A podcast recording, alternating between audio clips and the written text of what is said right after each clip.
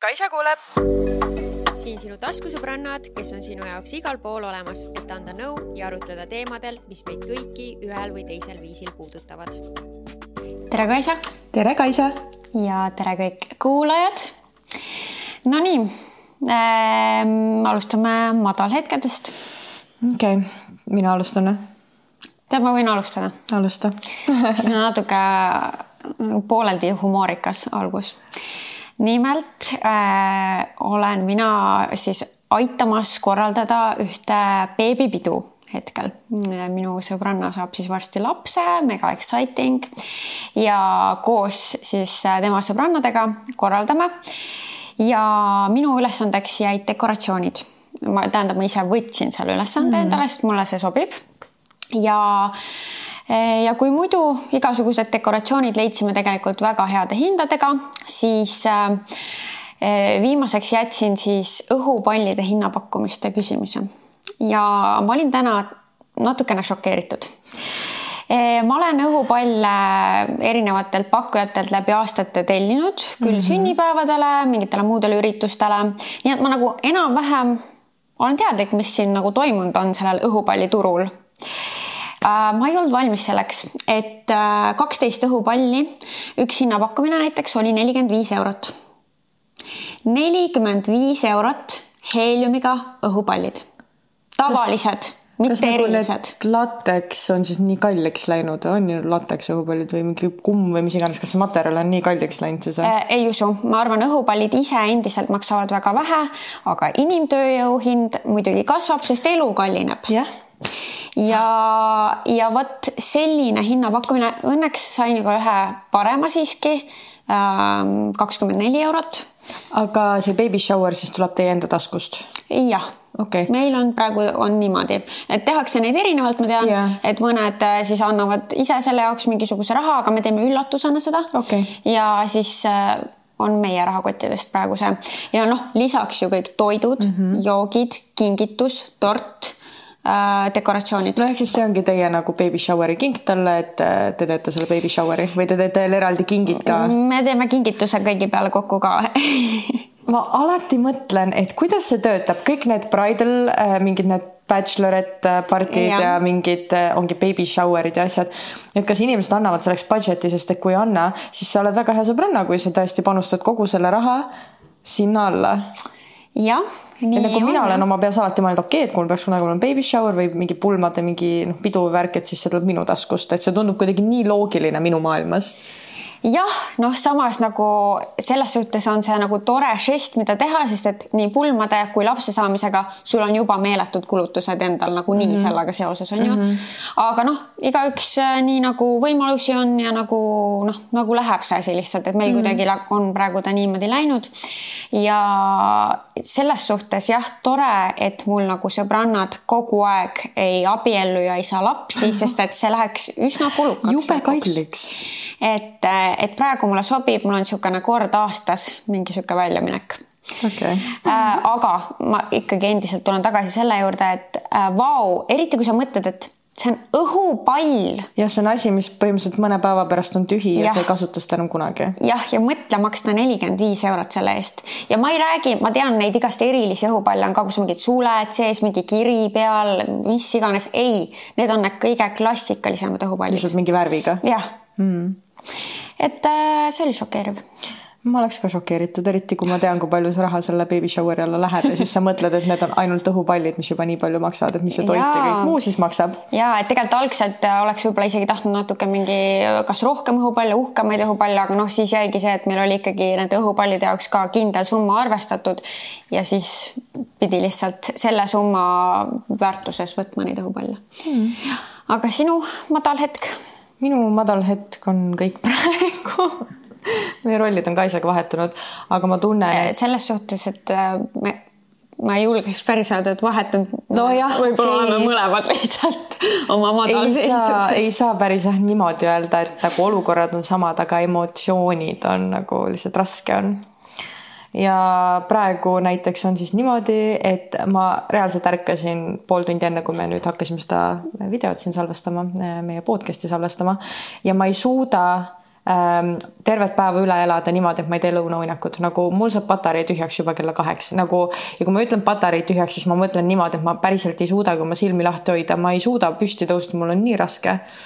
nii et need lõunauinakud praegu päästavad minu elu ja minu tööd, aga väga raske on energia mõttes ja mul on äh, selles suhtes täiesti nagu mõistan ja sama olukord, et täna ka nagu ma tegin juba hommikul mingeid asju ja siis ma lihtsalt mingi hetk tundsin, et ma pean sinna voodisse tagasi minema. ma ei olnud veel voodit ära ka teinud, muidu mm -hmm. ma mhm. nagu iga päev teen ära, onju. ma ei olnud veel ära ka teinud ja siis see tekk lihtsalt kutsus mind sinna ja ma olin mingi okei okay,, ma natukeseks vist lähen sinna teki alla mm. -hmm nii et jah, ma otseselt küll ei maganud, aga noh, see oli ka sihuke pigem puhkehetk ikkagi, nii et. ma ei jäänud ka seekord nagu täiesti magama, aga ma arvan, no sihuke kümme minti oli mul see, et ma olin ikkagi unes mm. -hmm et täitsa magasin ja ega Luuna ka kergemaks ei tee, see nohiseb mul seal kõrval, siis ma olengi, et okei okay,, ilmselgelt ma tahan magada, kui ta ka seal voodis niimoodi pikutab mm. -hmm. et jah mm, -hmm. et võib-olla see on ilma pärast, võib-olla on mingi vitamiinipuudus, võib-olla on lihtsalt emotsionaalselt on raske ja see aitab kuidagi toime tulla, ma ei tea. nojah, siis seasonal depression on veel mm. valik, siis sinul on ju polütsüstilised munasarjad mm.. ühesõnaga neid tegureid on erinevaid siin on mängus. päris palju erinevaid. okei aga kõrgpunktid? minu kõrghetk on see, et ma kaunistasin eile kodu nii et mul on nüüd äh, jõuludekoratsioonid kõik väljas, kuusk on püsti. see on lihtsalt, see on nii ilus, see kuusk. Et äh, ma nagu istusin eile oma diivanil õhtul, see, need tulukesed põlevad ja mul olid pisarad silmas, sest et nagu see kuusk toob mulle nii palju rõõmu. Yeah.. ja ma olengi lihtsalt nagu, oh my god, see ongi mu kodu, see on minu kuusk, mina olen selle ehtinud täpselt nii, nagu ma tahan. ja, ja nagu see tekitab mulle nii kodusa, mõnusa, hubase tunde, siis ma ostsin veel endale mingeid ähm, Holiday Romance äh, raamatuid, siis ma hakkasin ühte nendest lugema, mina oma pleedikesega, küünal põleb, kuusk on püsti lihtsalt nagu mida paremat veel tahta. kõlab suhteliselt sihuke perfektne rahulik õhtu. ideaalne, ideaalne ja ma ütlesin äh, Anetele ja Laurale ka, et kuulge, nagu ma ei tahagi siit kodust lahkuda, natuke ohtlik, nagu ma ainult siin nüüd tahakski olla mm. -hmm. ja siis ma saatsin neile eilse õhtu jooksul, ma arvan, mingi kolme erineva nurga alt vähemalt sellest kuusest ja sellest toast pilte. ma muide mingi... vaatangi, sest see on seal nurgas, kus ma ja. tean, et juba vaatate, mida see Kaisa passib seal, see ongi see kuusk. seda kuuske me siin vahime ja, ja ma ütlesin neile ka, et olge valmis, et ma saadan neid veel. Te mm -hmm. lihtsalt hakkate mu kuusest nagu pea iga päev pilte saama. jah, ma vaatan, et sul on üks sarnane ehe, mis mul on, need valg-, need tammetõrud, mul on pruunid mm. -hmm ja ma otsin nagu sarnasusi ja värvigamma on ka äh, noh, mul on natuke rohkem tumedat tooni, aga mul on ka valge ja kuldne. jah, mul on jah valge ja kuldne. Mm.. eelmine aasta ma need äh, kõik kuuse ja ehted ostsin, sest eelmine aasta oli mul esimesed jõulud siin minu oma kodus. ja ma see aasta veel, enne kui ma olin kõik asjad üles pannud, mõtlesin, et, et äkki ma lähen mingeid äh, erilisi ehteid veel ostma ja siis ma panin kõik need, panin kuuse üles ja ehted peale ja ma olin mingi vau wow,, ma olin nagu eelmine aasta nii põhjalikult võtnud seda ülesannet, et nagu ausalt öeldes mul ei ole sinna mitte midagi vaja rohkem mm. -hmm nagu ta on perfect, perfect ja sinna nagu noh, okei okay,, saaks kuskile veel vahele midagi ei panna. ole vaja, siis läheks juba nagu liialt no, et praegu on väga ilus. jah ja., nii et ei olegi juurde vaja osta. aga üldse, ma käisin eile poodides. ei olegi midagi või? Pole midagi osta, sama kaup, Pepko, Jysk, kõik sama no, kaup. no ilmselt nad müüvadki eelmise aasta kaupa. nojah tooge mingeid põnevaid asju, ma tahtsin jõulukruusi. ei saanud või? ma ei leidnud. okei. Mm. Nonii, ja sinu highlight? minu highlight, no selles mõttes ma isegi ei tulnud selle peale, et tõesti, ma eile ka olin nii satisfied või kuidagi nagu rahu oli sees, kui ma lõpetasin oma kuuse ehtimise ja me istusime Tanniga mõlemad diivanil, lihtsalt vaatasime kuuske ja siis ta oli ka, et ja, et sa tegid väga tubli tööd. ja meil oli mõlemal eile ehtimispäev siis kodus. oli ja ma võtsin seda rohkem kui nagu meditatsiooni või nagu hästi-hästi sihuke rahulikult, et äh, veidi oma nagu ärevust rahustada, ütleme niimoodi. aitas, toimis mm, -hmm. väga hästi toimis, sest mul oligi, ma ei mõelnud mitte millelegi muule samal ajal, kui ma ehtisin ja kuidagi nagu see paigutamine ja vaatamine mm -hmm. hästi rahulikult rahulikult võtmine ja et ei olnud kiire kuhugi ja nagu lihtsalt sain oma tempos teha asju. et see nagu jah, kuidagi rahustas mind sisemiselt ka maha mm -hmm. eile.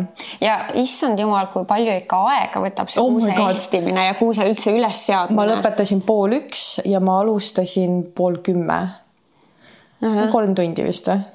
Äh, üheksa kolmkümmend, kümme kolmkümmend, üksteist kolmkümmend, kaksteist kolmkümmend jah, kolm tundi jah.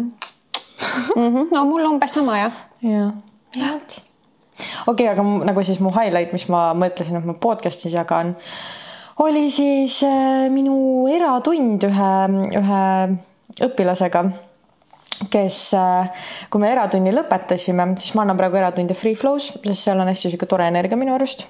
Ja seal on siis neil raamatupidaja ja ta on siis ka tantsinud äh, kunagi salsat ja bachatat, siis kui mina isegi ei olnud neid esimesi samme veel teinud selles maailmas, et see oli nagu kümme aastat tagasi, kui tema nagu seda tegi. kas see on minu raamatupidaja või? ja, ja, ja, ja siis ta alati käib nagu piilumas äh, neid eratunde ja siis ta nii-öelda, kui siis mu õpilane Oliver ära läks, siis ta tuli uksest välja ja ütles, et issand, ma tahtsin sulle öelda, et nagu, et mis ma nägin täna, et sa oled nii palju arenenud ja sa oled ikka nii tubli ja nii äge on näha, kuidas sa juba nagu tantsid ja värki. ja siis mul oli nagu sisemine uhkus, eks ju, et oh my god, see on veits nagu mulle ka pat on the back, et nagu sa oled nii hea õpetaja, et nagu parandad äge, parandad vigu ja siis äh, see oligi jah, kuidagi nagu mu highlight, et esiteks, kui ma läksin eratundi, ma olin nii väsinud, ma nagu päriselt ei olnudki nagu, mul oli ikka see tunne, et ma tahan voodisse minna ja magama mm, -hmm. aga ma eratunnis sain nii palju positiivset emotsiooni ja kuidagi nagu äge on olla ruumis inimesega, kes nagu nii palju tahab nagu areneda, et ma tulin sealt ära nii, et ma olin täiesti laetud energiast. nii tore. ja, no ja siis need ilusad sõnad raamatupidaja poolt oli nagu lihtsalt mm. -hmm. ja sa oledki äh, nagu sellele inimesele on ju regulaarselt nagu päris pikalt andnud neid ära. ja pea, issand, ma arvan, et juba mingi küm-, ei, seit-, kahek-, üle poole aasta. üle, üle, kindlasti üle poole aasta. iga nädal äh, tund aega tavaliselt, aga nüüd ta siis äh, otsustas võtta iga nädal kaks tundi mm. -hmm. no siis kindlasti ongi nagu endal ka äge vaadata selle inimese ja. arengut. ja ta, ma küsisin, et ta saadaks, sest me alati eratundides filmime üles ka, mis ta teeb. ja siis ma palusin tal saata endale nagu see tänane eratund, et ma saaksin veel analüüsida seda videot ja siis mõtlesin, et ma panen nagu uhke õpetaja lõpuks story'sse ka, et ma olen nagu nii proud mm. -hmm, ja mm -hmm enne kui me edasi liigume, tahtsime veel kord tänada kõiki meie live podcast'ide sponsoreid, kes aitasid meil kokku panna kõige armsamad kingikotid meie kuulajatele.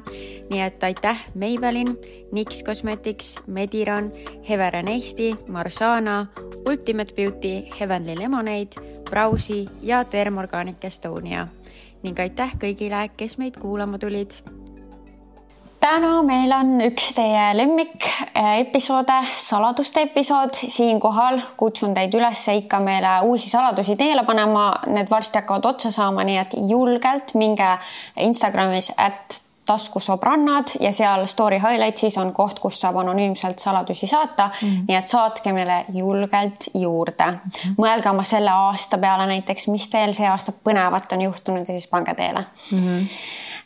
Nii, mul on siin kohe üks niisugune natukene pikem lugu. kujutage ette kahte umbes kolmeteistaastast, praegu olen kakskümmend kuus, varateismelist äh, kevadel koolis arutamas, et mida eelseisval suvel ette võtta mm. -hmm. mina ja mu parim sõbranna Age, nimi muudetud, äh, nuputasime, et äkki oleks kahele meiesugusele hea suvine raha teenimise võimalus laste hoidmine äkki keegi kuskil vajaks meie abi.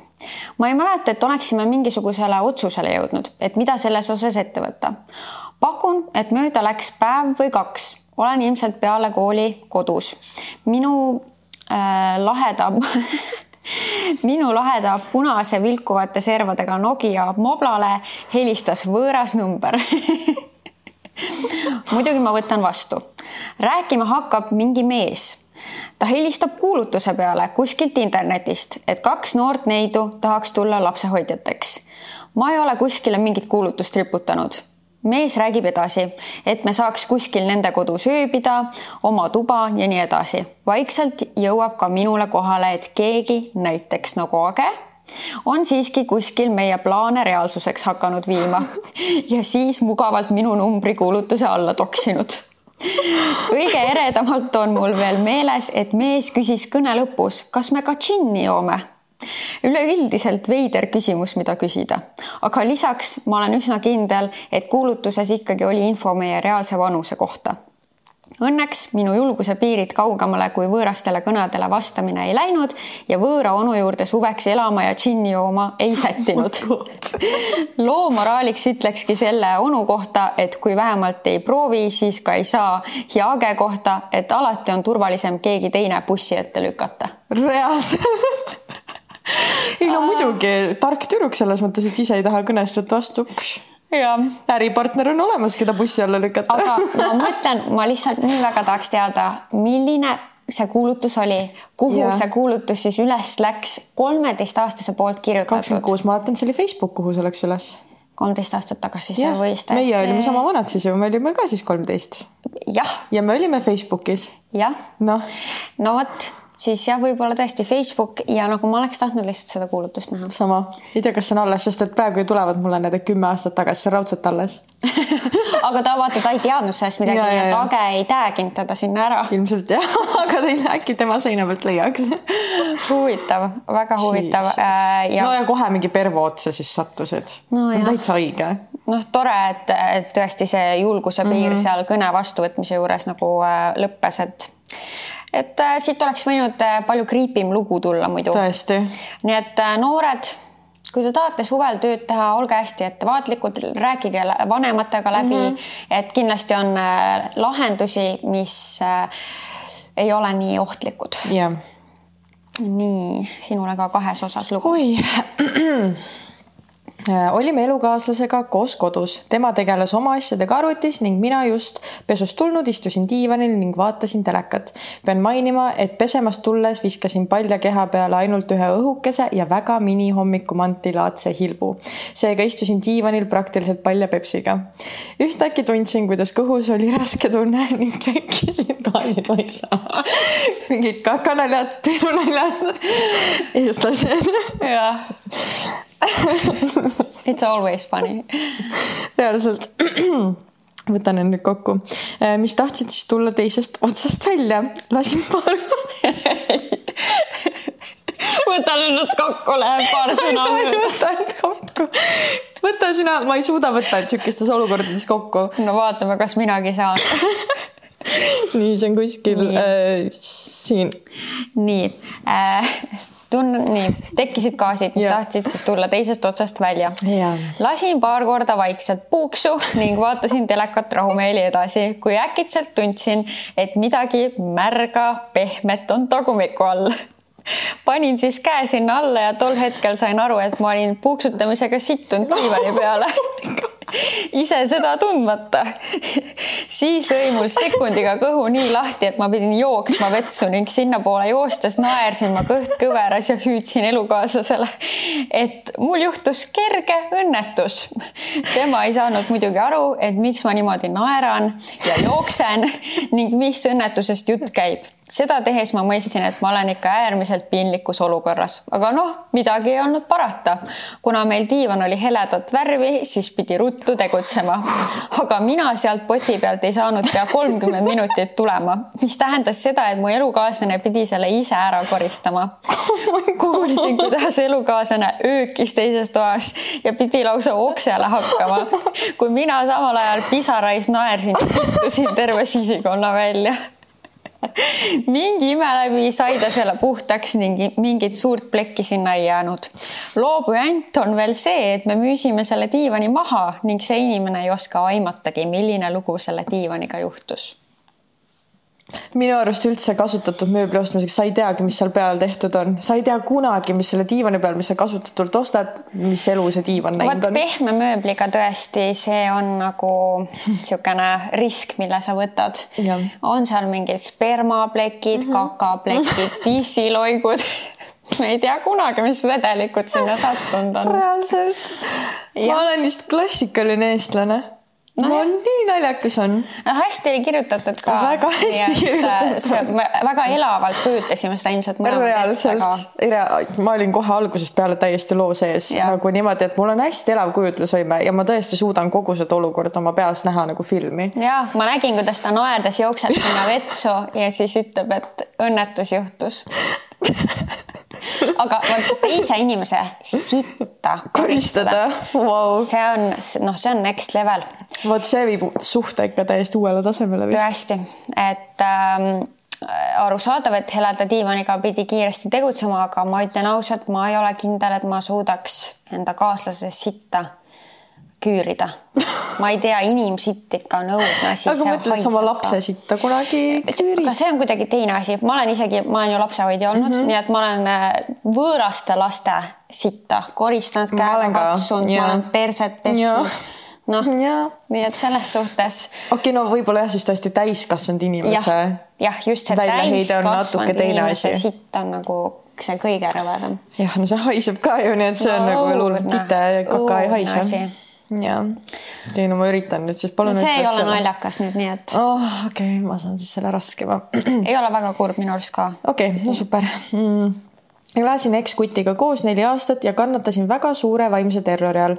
mentaalselt olin sellest juba välja loginud kaks aastat enne päriselt lahku minekut, aga kuna suur osa meie pere rahakotist oli tema sissetulek, siis võtsin aeg-ajalt tema kred- tema kaardilt sularaha välja, kuniks ühel päeval oli mul piisavalt palju raha, et omale korteri üürida ja eluga jätkata.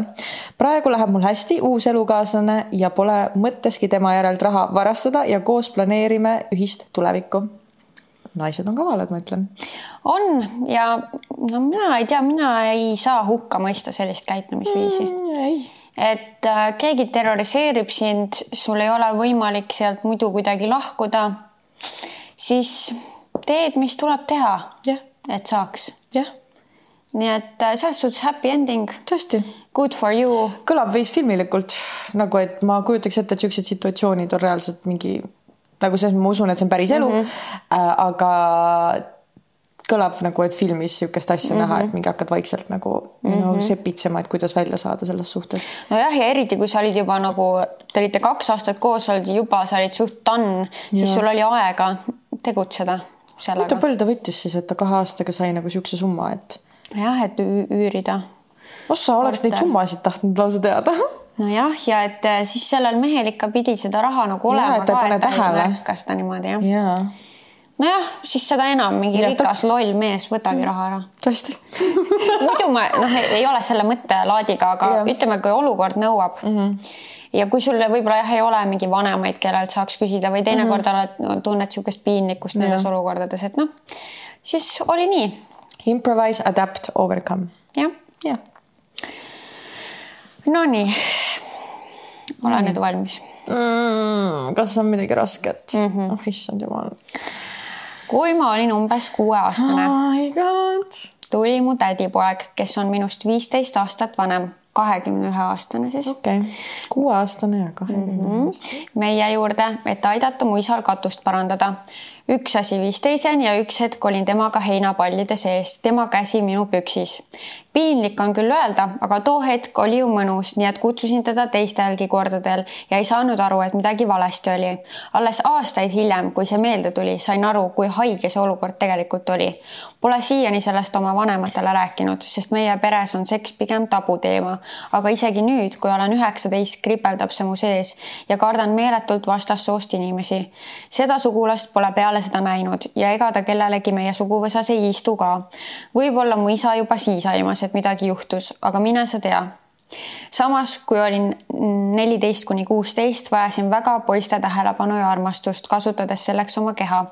praegu olen kolm aastat olnud koos noormehega, kes mind armastab täpselt sellisena, nagu ma olen ning vaikselt aitab mul sellest halvast tundest lahti saada. aga siiski, kas peaksin sellest oma vanematele rääkima?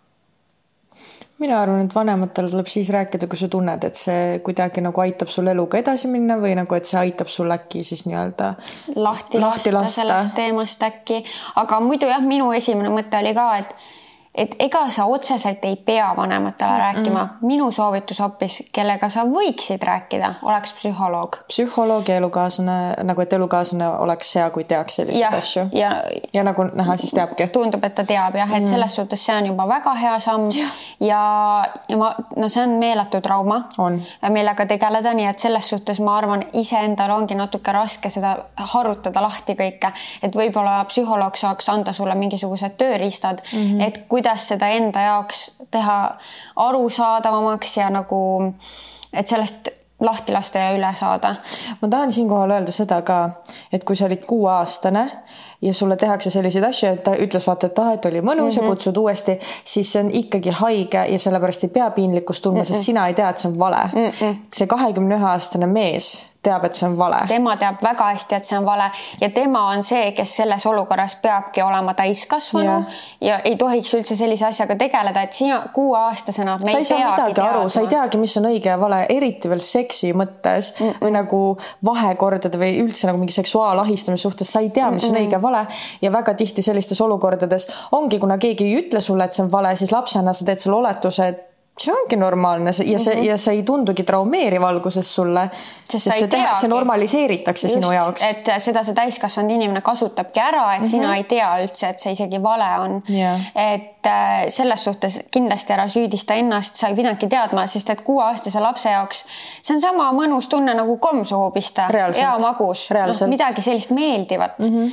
et äh, jah süütunnet absoluutselt mm -mm. ei peaks olema mm. -mm. aga, aga kui see sind painab, siis ikkagi tegele sellega. jah, et ongi, kui vanemad nagu mina arvaks ka, et psühholoog eelkõige, võib-olla psühholoog jõuab sul nagu või nagu aitab sul need sammud välja mõelda, mis aitab lahti lasta. et nagu kui tema, kui te jõuate üheskoos arvamuselt vanematele peaks rääkima, et siis räägid, aga nagu otseselt seda vajadust ei ole, kui see tegelikult ei aita sind nagu. jah, jah, jah.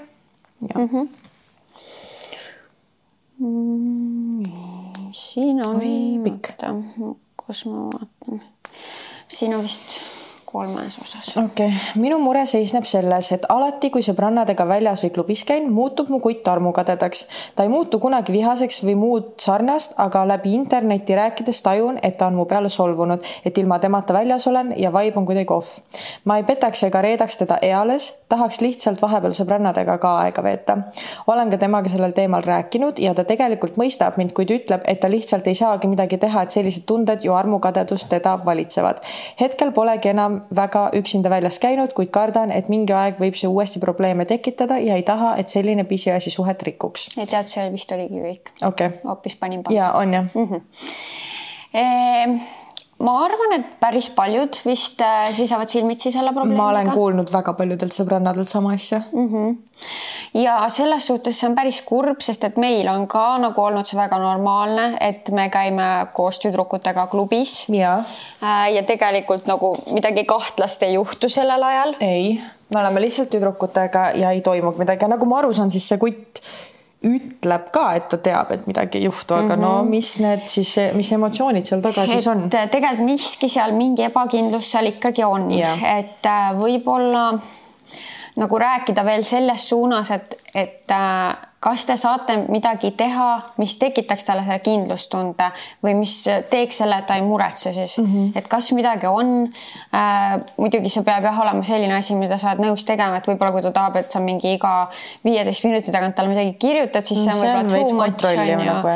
et, et ei pea nagu muidugi iga nõudmisega kaasa minema, aga kui on midagi, mis te mm -hmm. nagu saate koos välja mõelda, siis, siis äkki nagu annab midagi teha ja mm, -hmm. ja. või et ongi, et nagu, et iga mingi tunni aja tagant update'id, kas sinuga on kõik korras, äkki tal on mingi mure su turvalisuse pärast, ma ei tea, noh mm -hmm., ma tahaks loota, et noh, see on positiivne asi, kui su kutt muretseb mm -hmm. su mhm. pärast, aga kui see on pigem mingi trust issue või usaldus issue, et siis see on nagu mm -hmm. veits haiglane. ja kui see on nagu usalduse probleem, siis noh, ma olen kunagi äh, ka nagu enda partneriga seda mm, rääkisin, et, äh, et äh, nagu selgitasingi talle, et noh, me lihtsalt nagu käimegi, me ei lähe absoluutselt mingi selle eesmärgiga, et sealt mingeid mehi lantida. ei suhtlegi meestega. ei, nii kui mingi mees tuleb, ma mingi mm, pole olemas. küünarnukiga onju ja nagu seletasingi nagu mm. kõike seda olukorda rohkem lahti ja miks me sinna lähme ja mis meile meeldib nagu selle kõige juures ja ja kuidagi ma arvan, see nagu rahustas ka maha mm. -hmm. et jah ega muud ma ei oskagi öelda mm. -hmm. ma ei tea, kuidagi jah, nagu suhtes olles ikkagi mõlemad osapooled peavad endale teadvustama, et, et jah, on meie elu, aga siis on ka minu elu ja sinu elu, et ei ole päris see, et me oleme suhtes ja nüüd ma ei tohi oma sõpradega väljas käia, et see, et ma suhtesse lähen, ei tähenda, et ma loobun oma varasemast elust mm. -hmm. lihtsalt sina tuled minu ellu ja ma arvestan sinuga, aga nagu see ei tähenda, et sa pead kõigest loobuma, mis oli nagu sinu elus mm. -hmm. ja noh, ma ei tea nüüd, kas seda just võib-olla kutile öelda, aga nagu kui sa tahaksid teda petta, siis sa võid ükskõik millal seda teha. seda võib tõesti juhtuda ükskõik millal ja selleks ei pea üldse sinna klubi minema. jah, üldse nagu, välja. see ei ole mingi, et, et kui sa klubis ei käi, siis ei saagi mitte midagi meie suhtes ja. nagu valesti minna või juhtuda. noh, see ei ole, seal ei ole võrdusmärki. nii kui veel pisike olin, ma ei tea, kas ma juba algklassis käisin või mitte, aga mu vend, kaksik, pidevalt ahistas mind kui vanematega reisil käisime ja magama läksime, siis ta tahtis oma genitaali mulle pidevalt sisse pista. isegi kui kodus olime ja oma toas olin ning magasin, siis tuli ka ja tahtis sama teha, ükskord isegi suhu see kestis aastaid, isegi kui mul päevad hakkasid, siis tahtis keset päeva mulle kätt püksi pista. ma ei teagi, miks ta seda tegi. see käperdamine, ahistamine kadus ära vist kuskil põhikooli lõpuaegadel nüüd oleme mõlemad juba täisealised, aga see kõik piinab mind siiani. vanematele või kellelegi teisele rääkida ei julgenud, ilmselt kartuses, et mind ei usuta või et sellest tuleb suur peretüli. olen alati soovinud pere omavahelist läbisaamist ning üritanud probleeme vältida. nüüdseks olen lihtsalt suure lapsepõlve traumaga ja mõtlen, et kas vend tõesti kujutab ette, et ma lihtsalt magasingi nendel hetkedel mm ja ma ei tea, mida ta minuga tegi. lihtsalt tahaks suuta seda kõike unustada ja eluga edasi minna, aga ma ei tea, kuidas.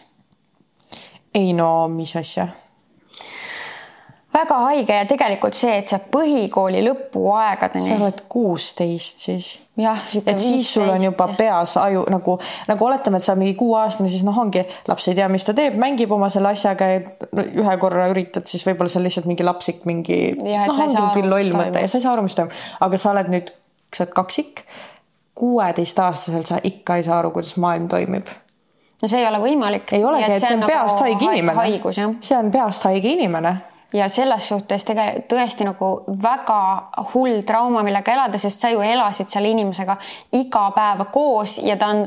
su pereliige. nii et ilmselt te nagu noh, siiamaani puutute kokku. Äh, ehk siis.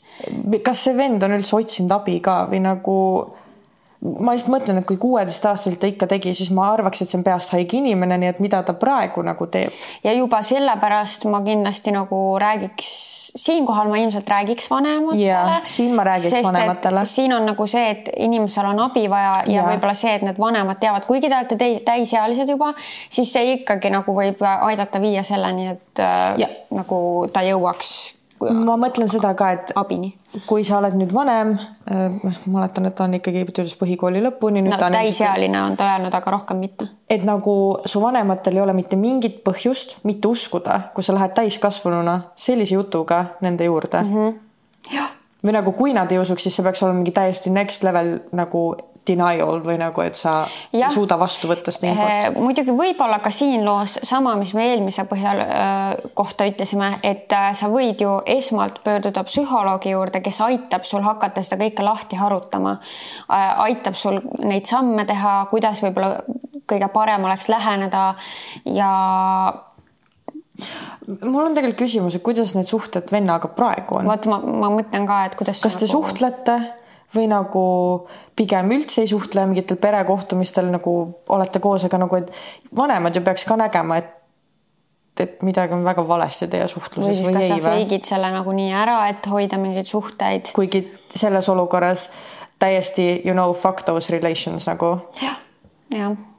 ja nagu see, mis me oleme varasemalt öelnud, tegelikult kehtib ka siin, et isegi mis siis, et on su kaksikvend, siis nagu ka sellega saab politseisse minna, kui sa tunned, et see on asi, mis nagu, ma ei tea, see on nii keeruline olukord.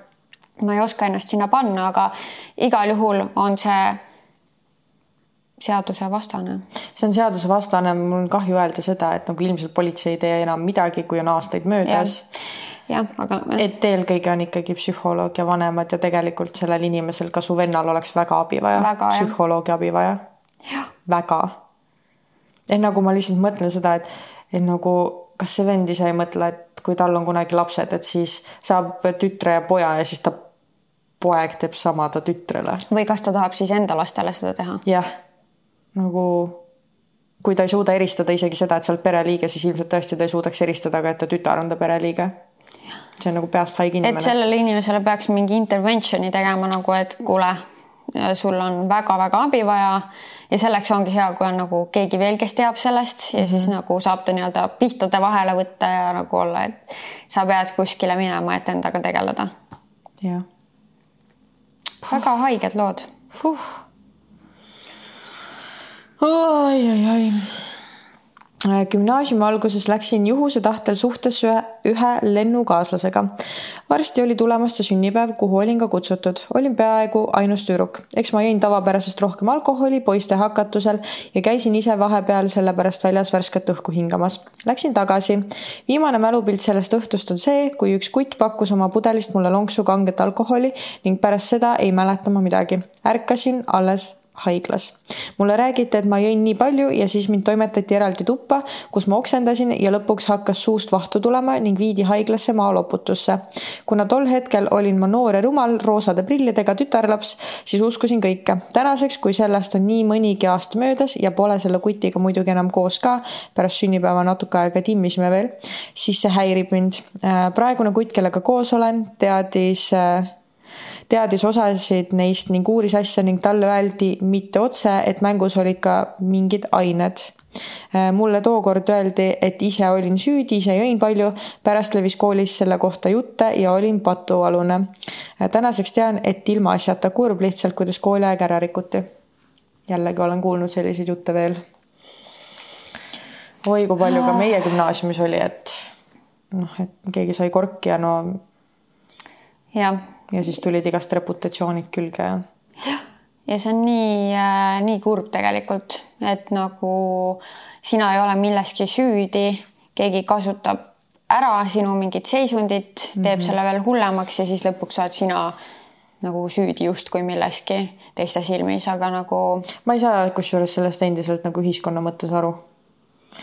et nagu tavaliselt ongi naised, kes saavad selle ja. kogu sita raha endale Äh, jah, äh, ma arvan, me elame endiselt kahjuks väga suuresti meeste maailmas, kus kõike vaadatakse nagu läbi sellise perspektiivi, isegi kui sa ei teadvusta seda endale mm, -hmm. siis see nii on mm. -hmm. aga selles suhtes võib võib-olla ikkagi nagu positiivne selles kõiges on see, et sa said mingisuguse nagu kinnituse mm -hmm. sellele, et nagu see ei olnud see, et sa ise lihtsalt ennast nagu täiesti pilpaks jõid.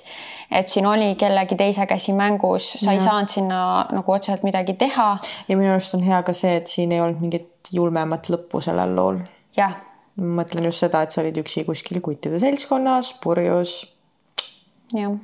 jah et äh, väga väga õudne ja selliste lugude põhjal ma ikkagi tahaks tüdrukutele hästi südamele panna, et et olge valvsad mm. meeste seltskondades äh,. nüüd meil ongi ju mingi siuksed asjad nagu need kondod, mis mm -hmm. sa mhm. saad kuskile klaasi peale panna, et sinna ei oleks nii kerge seda mingit äh, korgijooki, aineid, tabletti, ükskõik mida. ja, ja ärge võtke, isegi kui see on võib-olla su nii-öelda sõber, ära võta kellegi teise pudelist jooki, et oleme selles osas hästi valvsad, niimoodi mm -hmm. me saame ennast kaitsta mm. -hmm. vot. jah Ehm, teismelisena olin paar aastat tugevalt kinni ühes mustris, mistõttu tembeldati mind pidevalt litsiks. tegelikkuses oli selle taga minu jaoks vanematelt saamata jäänud armastus ja soov nii väga armastust kogeda. uskusin siiralt alati pidudel, et iga kutt, kes mu vastu huvi tunneb, soovib mulle seda armastust pakkuda ja jääda minu kõrvale. reaalsus oli aastaid räigelt ära, ärakasutamist meeste poolt, et nad saaksid soovitud rahulduse üheks ööks sellest ajast tean, et eksisteerib üks täispikk video, kus olen ühe kutiga vahekorras. selle filmis üks tema sõber, kes oli eelnevalt telefoni sinna tuppa salvestama pannud, ehk siis kõik oli minu teadmata tegelikult ette planeeritud. mina siiralt aga uskusin too öö, et kui ma end sellele kutile kätte annan, siis võidan ta endale elu lõpuni ja kogen tõelist armastust. kas see oli mingi gümnaasiumiaega? mm,? täpselt okay, ei ole öeldud.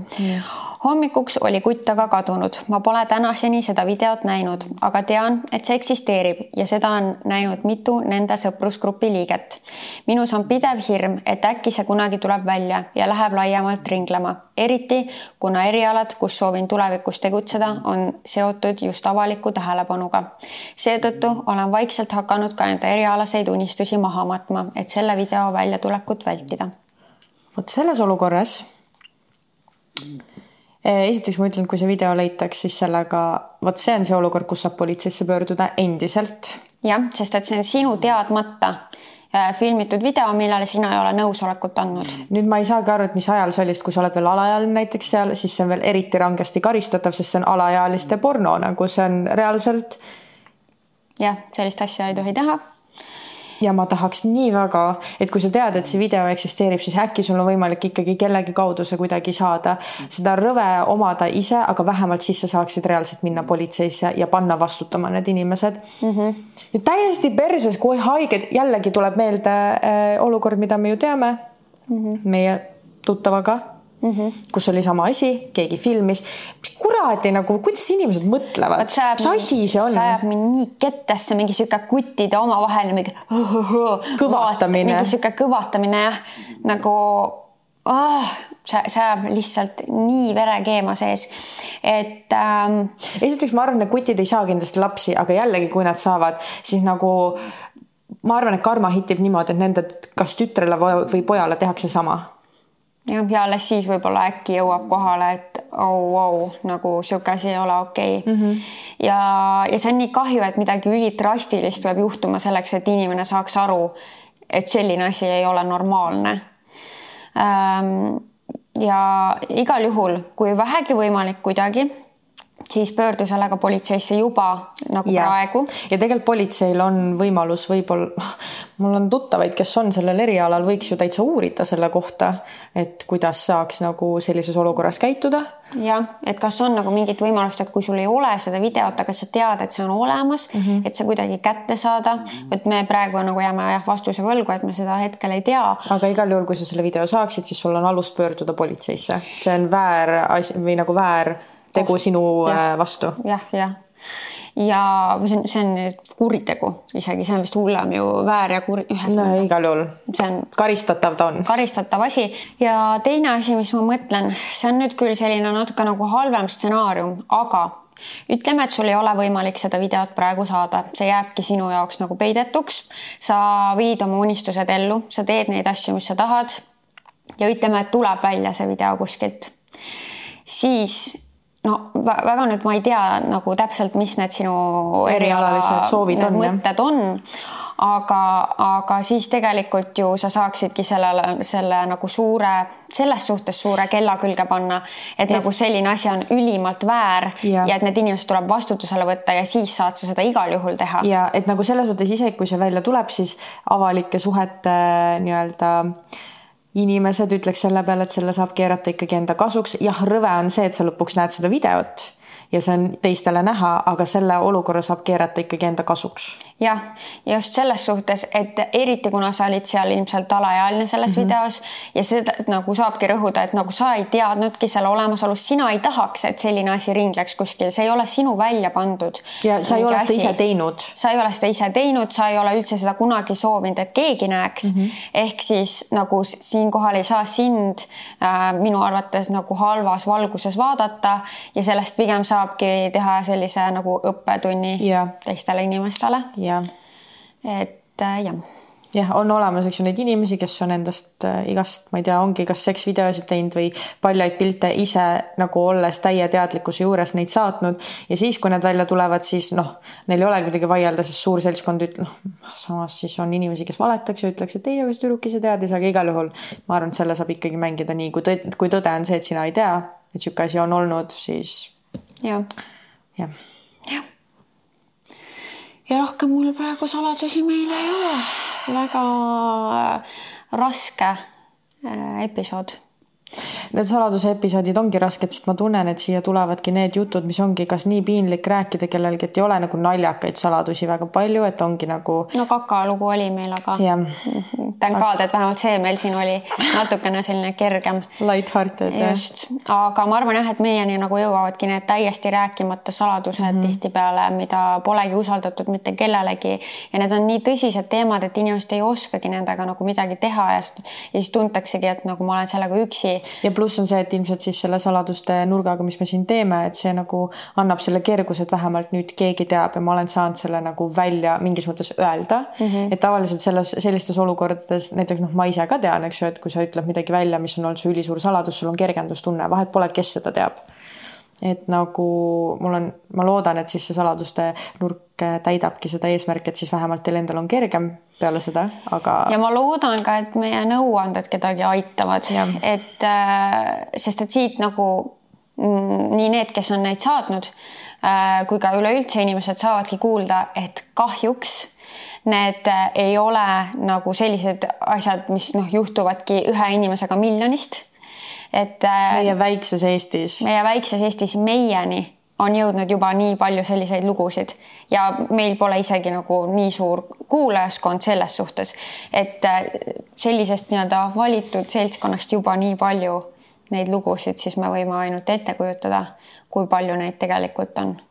ja, ja, ja kuidagi tahaks, et kõik need inimesed, äh, kes on nagu kannatanud nendes olukordades, jõuaksid selle tervenemise teekonnani mm -hmm. ja saaksid, kui midagi muud ei saa, kui kasvõi ei saa seda inimest sinna trellide taha, siis et sina saaksid vähemalt terveks ja, ja saaksid nagu enda elu elada to the fullest mm, -hmm. et sina ei peaks selle kellegi teise rõveda teo pärast kannatama mm. -hmm.